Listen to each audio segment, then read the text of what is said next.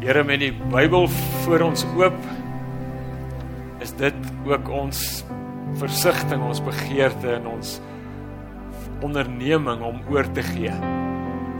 Om voor U te buig in gehoorsaamheid om ons harte oop te maak om te hoor wat U wat ons Vader, U wat ons Here, U wat ons koning is vir ons wil sê.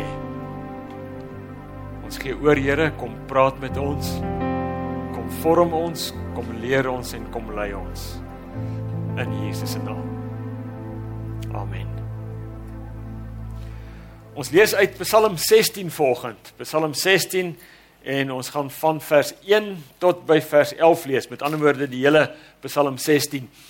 En maar voor ek lees net so net bietjie oor die agtergrond van die Psalm. Hierdie psalmdigter, jy sal dit raak lees ook soos wat ons aanlees, is in 'n situasie van moeilikheid. Hy bevind hom in die gemors. Hy is in diep moeilikheid en die moeilikheid wat veroorsaak word is deur mense. Mense wat die lewe vir hom moeilik maak, wat hom onderdruk, wat vir hom net dinge swaar maak. En dan dan uh die beskryf die Psalm bietjie wie is hierdie mense? Dis mense wat uh, afgode gedien het maar dan terselfdertyd wou hulle nog Jahwe, die God van Israel ook aanbid. So dis ek ouens wat so op twee stoele gesit het. Aan die een kant voluit sê hulle ons aanbid Jahwe, maar dan is hulle ook met afgodsdiens besig. En is hierdie ouens wat vir hierdie Psalm digter soveel moeilikheid gegee het. Kom ons lees van vers 1 en dis nou sy reaksie daarop. 'n Gedig van Dawid. Neem my in beskerming o God. Ek soek skuilings by U. Ek het vir die Here gesê, ek behoort aan U. Daar is vir my niks goeds nie behalwe by U. Die afgode in die land so aantreklik vir baie, met hulle wil ek niks te doen hê nie. Mag elkeen wat 'n ander god vereer baie smart beleef. Vir afgode sal ek nie bloedoffers uitgiet nie. Hulle name sal ek nie op my lippe neem nie. Here, U is my lewe. U sorg vir my. Wat ek ontvang kom alles van U af. 'n pragtige deel is vir my afgemeet. Ja, wat ek ontvang het is vir my mooi. Ek sal die Here loof wat my tot die regte insig gebring het. Selfs in die nag bly ek bewus van wat hy my leer. Ek het die Here altyd by my. Omdat hy by my is, sal ek nie struikel nie. Daarom is ek bly en juig ek en voel ek my veilig. U gee my nie oor aan die dood nie. U laat u troue dienaar nie in die graf kom nie. U leer my hoe om te lewe. By U is daar oorvloedige blydskap. Uit U hand kom net wat mooi is. Ons lees net tot daar. Op die 12de April 1961 is daar geskiedenis gemaak. Ek weet nou nie wie van julle is goed met datums en wie's goed met geskiedenis nie. So ek gaan nou nie 'n uh, 'n uh, uh, kompetisie uitloof en 'n chocolate uitdeel as jy weet wat daai dag gebeur het nie. Is daar iemand wat 'n idee het? 12de April. Ek sou bly ek weet vandag meer as almal hier. Alles het nou net hierdie stukkie. Uh julle sal dit almal weet. 12 April 1961 het Yuri Gagarin geskiedenis gemaak toe hy die eerste persoon geword het wat 'n ruimtereis suksesvol onderneem het. En toe Yuri terugkom op aarde, word daar vertel het hy 'n perskonferensie gehou, waarskynlik 'n hele paar perskonferensies. En daar word vertel dat by een van die perskonferensies toe hulle vir hom vra, "Yuri, hoe was dit?" Toe het hy gesê hierdie woorde. Hy het gesê, "I looked and I looked but I didn't see God." Ek het gekyk en ek het gekyk, ek het gesoek en ek het gesoek, maar ek het God nêrens gesien nie. Nou weet ek daar's dalk vandag mense hier. Ek was in my lewe al daar wat sal sê ek hoef nie 'n ruimtereis te onderneem om by daai ontdekking uit te kom nie. Daardie dag, daardie tydperk toe ek my werk verloor het, het ek God nie gesien nie. Was ek nie bewus van sy teenwoordigheid in my lewe nie. Daardie dag toe my man dood is, het ek God nie gesien nie. Net seer en leeg en afskeid. Daardie dag toe my huweliksmaat by die deur uitstap en vir die laaste keer daardie deur toemaak, het ek God nie gesien nie. Net mislukking en verwerping en seer. Of dalk daardie dag of daardie tydperk in my lewe toe ek op die kruin van sukses gery het, het ek God nie gesien nie. Ek het my harde werk gesien en ek het die prys wat ek betaal het om daar uit te kom gesien en ek het my talente en my vermoëns gesien, maar ek het God nie gesien nie. En so hoor ons baie keer mense rondom ons praat. Ons ons ons sien God nie, ons beleef God se teenwoordigheid nie op die kruin van sukses nie, maar ook nie in die donkerte van die dieptes nie. En baie keer voel ons dit in ons binneste. Partykeer sê ons dit nie, maar ons voel dit hier in ons binneste. Waar is God? Ek beleef nie sy teenwoordigheid in hierdie seer nie, in hierdie eensaamheid, in hierdie afskeid nie. En dan net baie keer het ons die moed om dit vir mekaar te sê. Hierdie psalmdigter sê daar's 'n ander moontlikheid. Hy praat hier vanuit vanuit 'n donker plek uit. En dan hoor ons hom sê hier in vers 2 sê hy ek behoort aan U Here. Daar wys in hierdie donker diepte in hierdie put, party ons sê in hierdie grot. Hy's hy's hy's daar en dan sê hy ek behoort aan die Here. Vers 5 Here U is my lewe. Vers 7 of vers 8 ek het die Here altyd by my.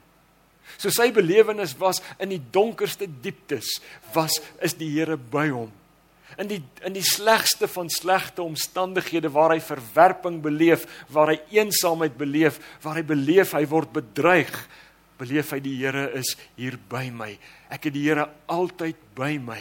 En dis dis God se bedoeling vir jou en vir my. Dis wat hy vir jou en vir my in gedagte het. Dat daar nie 'n oomblik sal wees waar ons beleef dat hy nie naby ons is nie.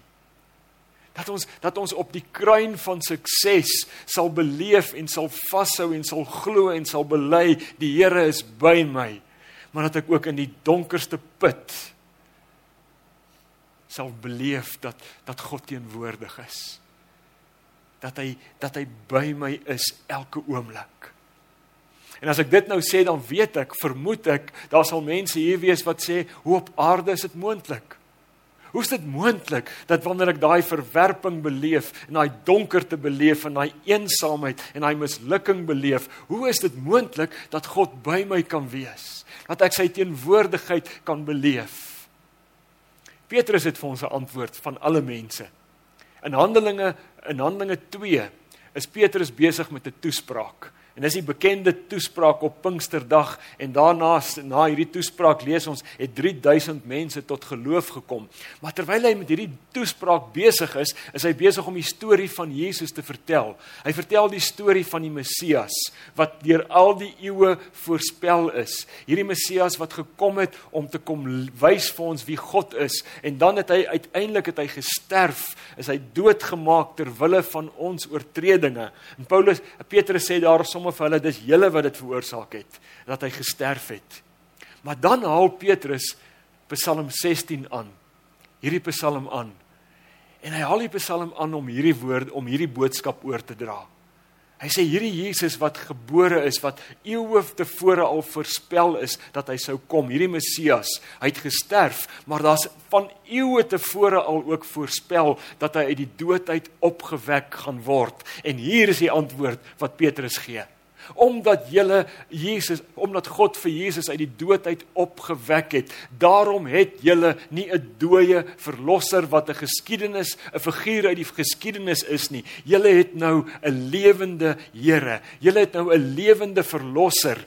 En omdat hy 'n lewende verlosser is daarom is hy teenwoordig Daarom is hy by julle wanneer julle op die kruin is, wanneer julle die kruin van sukses ry, wanneer julle vreugde en blydskap en vervulling beleef, is hy by julle. Maar hierdie Jesus, hierdie verlosser lewe en daarom is hy ook by julle in die donkerste diepte wanneer julle ly. Hy's by julle in julle vreugde, maar hy's ook by julle in julle hartseer en julle lyding, want hy is 'n lewende verlosser.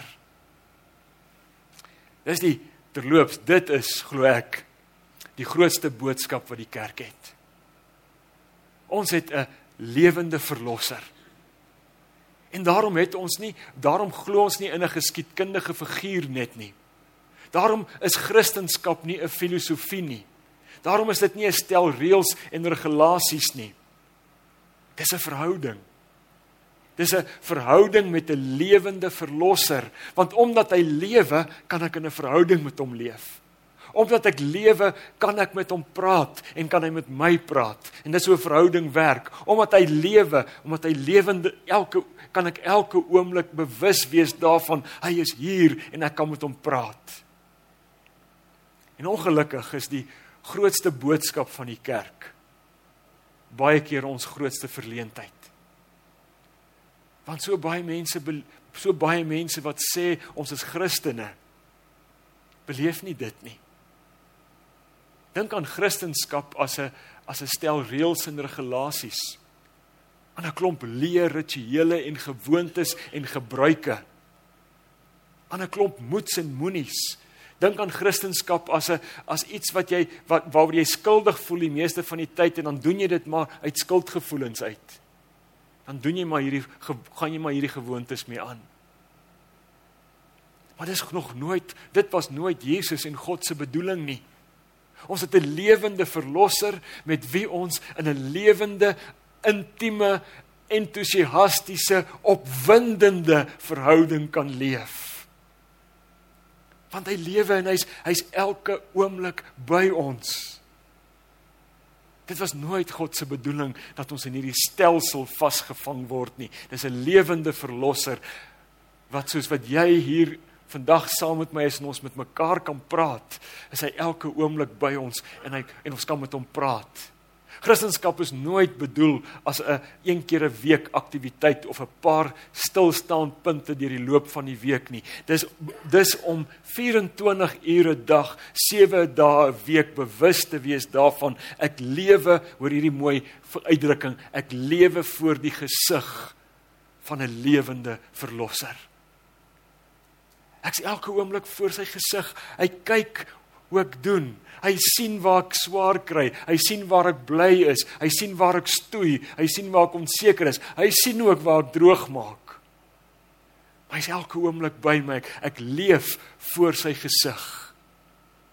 En dan so belangrik, hierdie ding is so belangrik. Die as as ons sê ons lewe elke oomblik voor die gesig van ons Vader. Hy kyk hoe ons lewe dan is sy teenwoordigheid of sy sy teenwoordigheid is nooit 'n passiewe teenwoordigheid nie. As hy na ons kyk, dan kyk hy nie soos 'n toeskouer kyk na 'n wedstryd nie. Hy kyk, hy's hy's aktief betrokke. Vers 8 sê dit so mooi. Vers 8 sê ek het die Here altyd by my. Hy's elke oomblik teenwoordig. Ek leef voor sy gesig en omdat hy by my is, sal ek nie struikel nie. So hy's aktief betrokke. Deur sy teenwoordigheid bepaal hy my optrede. Hy hy bewaar my onder andere van sonde, van struikel. Om dit te illustreer, ek het nogal gesukkel om dit te verstaan en toe ek so ruk terug, paar weke terug, het ek 'n gesprek met 'n jong man. En hy sê vir my hierdie woorde. Hy sê oom, ek dink hy het gesê oom. Uh ja, hy het gesê oom. Hy sê oom, as ek in die oggende stilte tyd hou as ek stil word saam met die Here en ek lees uit die Bybel en ek hoor hoe hy met my praat en ek praat met hom as ek nou my eie woorde sê ek bevind my in die teenwoordigheid van die Here. Hy sê oom dan kan ek my nie indink dat ek daar sal opstaan en na pornografiese webwerf toe gaan nie. Toe hy dit sê, toe snap ek, te verstaan ek, hy verstaan iets van die bewustheid van die Here se teenwoordigheid wat my optrede bepaal. Ek het die Here altyd by my en omdat hy by my is, sal ek nie struikel nie.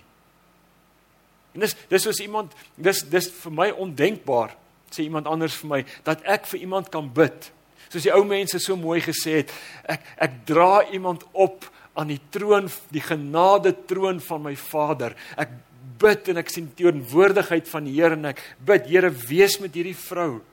Dra haar, ondersteun haar, beskerm haar, versorg haar. En dan staan ek van my knie af op en ek gaan skinder oor haar. Kan nie.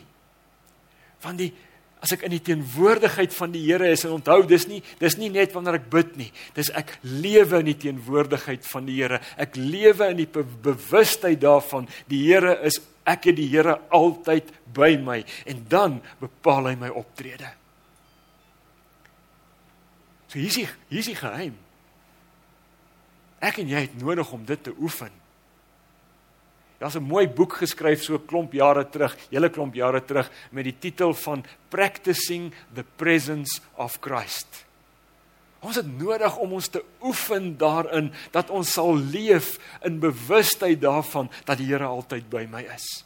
Dat ek my sal oefen daarin om die prentjie te sien van ek lewe voor die vriendelike gesig van my Vader. Hy hy los my nie om te sink en te en te stoei en swaar te kry en te sondig nie.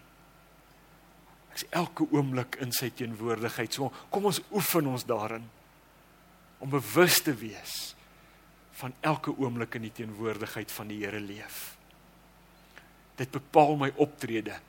Maar vers 7 en vers 11 sê dit doen nog iets. Vers 7 sê: U het my ek loof U want U het my tot die regte insig gebring vers 11 sê Here u leer my hoe om te lewe. Die Here se teenwoordigheid in my lewe wys vir my die pad aan. Wys vir my hoe ek moet stap. Gee vir my gee rigting vir my lewe. Sê as jy as jy 'n bietjie dink daaraan die die Here Jesus lewe. En omdat hy lewe, kan hy met my praat wil hy met my praat en praat hy met my deur die woord en deur sy Heilige Gees. En dan wys hy vir my die pad aan. Dis wat hierdie psalmdigter ontdek het. Hy wys vir my die pad aan waarop ek moet stap, die pad wat hy wil hê ek moet opstap. Want nou hoor ek baie keer mense sê ek hoor nooit dat die Here met my praat nie. Soos my oorle ouma gesê het, die Here sê my nooit niks. Nou ek weet nie of jy al dit gehoor het nie, maar dis nie die waarheid nie. Die probleem lê nie by die Here wat niks sê nie. Die probleem lê nie met die Here wat nie wat ons nie wil lei nie. Die probleem lê by ons verstaan van hoe hy ons lei. Ons dink dit werk min of meer so. Ek amper sê ek nou lelike woord. Uh, ek voeter voort met my lewe. Is dit ook lelik? Uh, ek gaan aan met die lewe. En uh, en dan uh, en ek steur my nie baie aan die Here nie. Ek gee nie baie om oor sy teenwoordigheid nie. Ek gaan net aan met die lewe en dan en ek doen al die rituele goeders wat nodig is. En dan kom ek by 'n groot besluit wat ek moet neem of ek kom in 'n krisis in my lewe en nou moet ek 'n besluit neem. En dan roep ek die Here in as 'n konsultant. En ek sê kom wys vir my hier watter kant toe nou. Ek moet moet ek vorentoe of agtertoe, links of regs? Kom ek konsulteer u nou vir hierdie besluit wat ek moet neem. Of ons maak soos daai tannie met die kristalbal, sê vir my, moet ek hierdie ouetjie vat of nie? Uh is daar iemand is daar 'n lang donker man in my toekoms? Uh Die Here lei nie so nie. Hierdie vers sê so mooi vers 11 Here, U leer my hoe om te af en toe besluit te neem. Nee. Here, U leer my hoe om te lewe. Of nog anders te, te sê, jy het my dit nou al 'n paar keer hoor sê en ek gaan dit nog 'n paar keer sê. Here, U kom deur U woord en deur U gees, deur U teenwoordigheid in my lewe 24 ure 'n dag en dan vorm U my dan kom u en u verander my om al hoe meer die mens te wees wat u weet ek kan wees. Al hoe meer die mens te wees wat Jesus moontlik vir my gemaak het om te wees. En soos wat en soos wat u my vorm, word ek al hoe meer die soort mens wat die regte soort besluite neem. So hoor jy dit? Die regte soort mens neem die regte soort besluite en die Heilige Gees, Jesus is deur sy teenwoordigheid konstant besig om my te vorm deur die woord en die Gees om hierdie soort mens te word. En daarom as ek nou konsekwent met wil wees met hierdie argument van my, dan dink ek, vermoed ek dat partykeer wanneer ek vir die Here sê, Here, links of regs, dat hy vir my sal sê, my kind, Hoekom besluit jy nie? Ek het jou mos, ek is mos besig en ek het jou die mens gemaak wat die regte besluite kan neem. Ek leer jou mos hoe om te lewe. So lewe nou. Neem die besluit. En dan net nog 'n stukkie wat hy moet bysit. En selfs as jy droog maak dan is ek nog steeds by jou. Ek het die Here altyd by my. Elke oomblik by my. Dit is nodig om onsself te oefen in die teenwoordigheid van die Here. Paar jaar na 1961 was daar nog 'n persoon wat in die ruimte gereis het. Hy het nie geskiedenis gemaak nie maar hy het ook 'n perskonferensie toegespreek. En sy terugvoer, sy woorde was ek het oral gekyk en ek kon God nie miskyk nie. Ek kon hom dood eenvoudig nie mis nie. Mag jy so jouself so oefen in in die teenwoordigheid van die Here die bewustheid van sy teenwoordigheid dat jy hom dood eenvoudig nie kan miskyk nie. Amen. Here U is elke oomblik by ons. En ons wil soos hierdie psalmdigter vanoggend ook sê Here U is ons lewe. U sorg vir ons. Wat ons ontvang kom alles van U af. U het vir ons 'n pragtige deel afgemeet. Ja, wat ons ontvang is vir ons mooi. Ons sal selfs in die nag bewus bly van wat U ons leer. Ek het die Here altyd by my. En dit bepaal my lewe. Here maak ons elke oomblik bewus van U wat naby is. Amen.